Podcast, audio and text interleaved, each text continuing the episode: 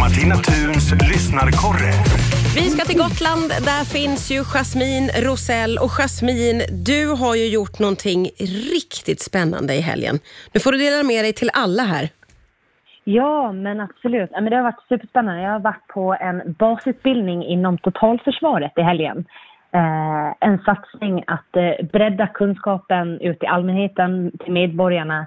För vad händer om krisen kommer, eller det värsta, kriget kommer till Sverige? Hur kom du på att du skulle göra det här? Jag blev tipsad av en bekant i våras att det skulle vara sån här utbildningar nu till hösten och blev genast intresserad just för att jag känner att jag är ändå i eh, full vigör för att kunna hjälpa till om det händer någonting just nu och vill inte bara stå och bli hjälpt utan skulle vilja kunna hjälpa till om det behövs helt enkelt. Och vad var det du fick lära dig då på den här kursen? Var det två dagar eller? Eh, Det var fredag kväll till söndag eftermiddag. Ah, okej. Ja. Och det har varit så intensivt. Vi har fått lära oss eh, kartkunskap, livsmedelshygien, vad gör man i en kris och hur samarbetar eh, alltså man på lokal nivå och riksnivå. Det finns hur många olika föreningar och organisationer som behövs om det skulle uppstå en stor kris. Ja. Allt ifrån de som jobbar i luften till i skogen, till att laga mat, till sjukvård, till att underhålla eh, om det skulle bli en stor kris. Eh, så väldigt mycket människor behövs ju och Ja, har ja. olika uppgifter vid en krissituation. Men det kan ju även vara någon mindre kris, till exempel om det är brand eller ett brandhärjat område. Mm. Eller det kommer jättemycket snö och ingen har el. Kanske man behöver eh, utrymma sitt hem och komma till en annan plats. ja, Men också framförallt, vad kan jag som privatperson göra eh, om det blir en kris? Att jag ska kunna klara mig i sju dagar hemma eh, och ha en krislåda med mat och dryck. Ja, ja, ja. I första hand ska du liksom kunna klara dig själv, men du ska också kunna finnas behjälplig för andra då i olika typer av kriser.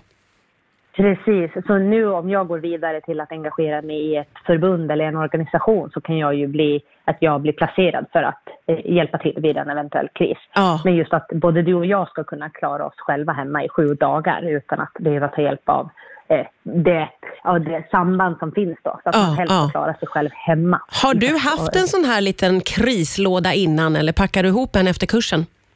Du, vi packade ihop den i, eh, i, vå- här i början av året när det, kriget bröt ut. När det blev också turbulent på Gotland. Ja, det är så. Skulle behöva, Ja, ja. ja. Sen kanske man har varit och nasslat lite där, men nu har man fått bassning att det ska man inte Nej, göra. just det, just det. Inte vara där och, och... Men du, eh, har du, man ska ju ha en krislåda med mat vet jag och lite andra förnödenheter. Egentligen ska man ju ha en dunk med vatten också jag för mig. Har du det? Ja? Ja. Eh, det har vi faktiskt inte, men att köpa buteljerat vatten så att man har vattenflaskor så att man kan köpa typ ett sexpack eller någonting. För det Ja, är ju det. smidigare än att tänka på att man behöver byta ut det där vattnet. Ja, ja, ja, precis. Det är ju mycket smartare. Men du, vad inspirerande. Eh, Får man ju nästan hoppas att fler då går såna här kurser.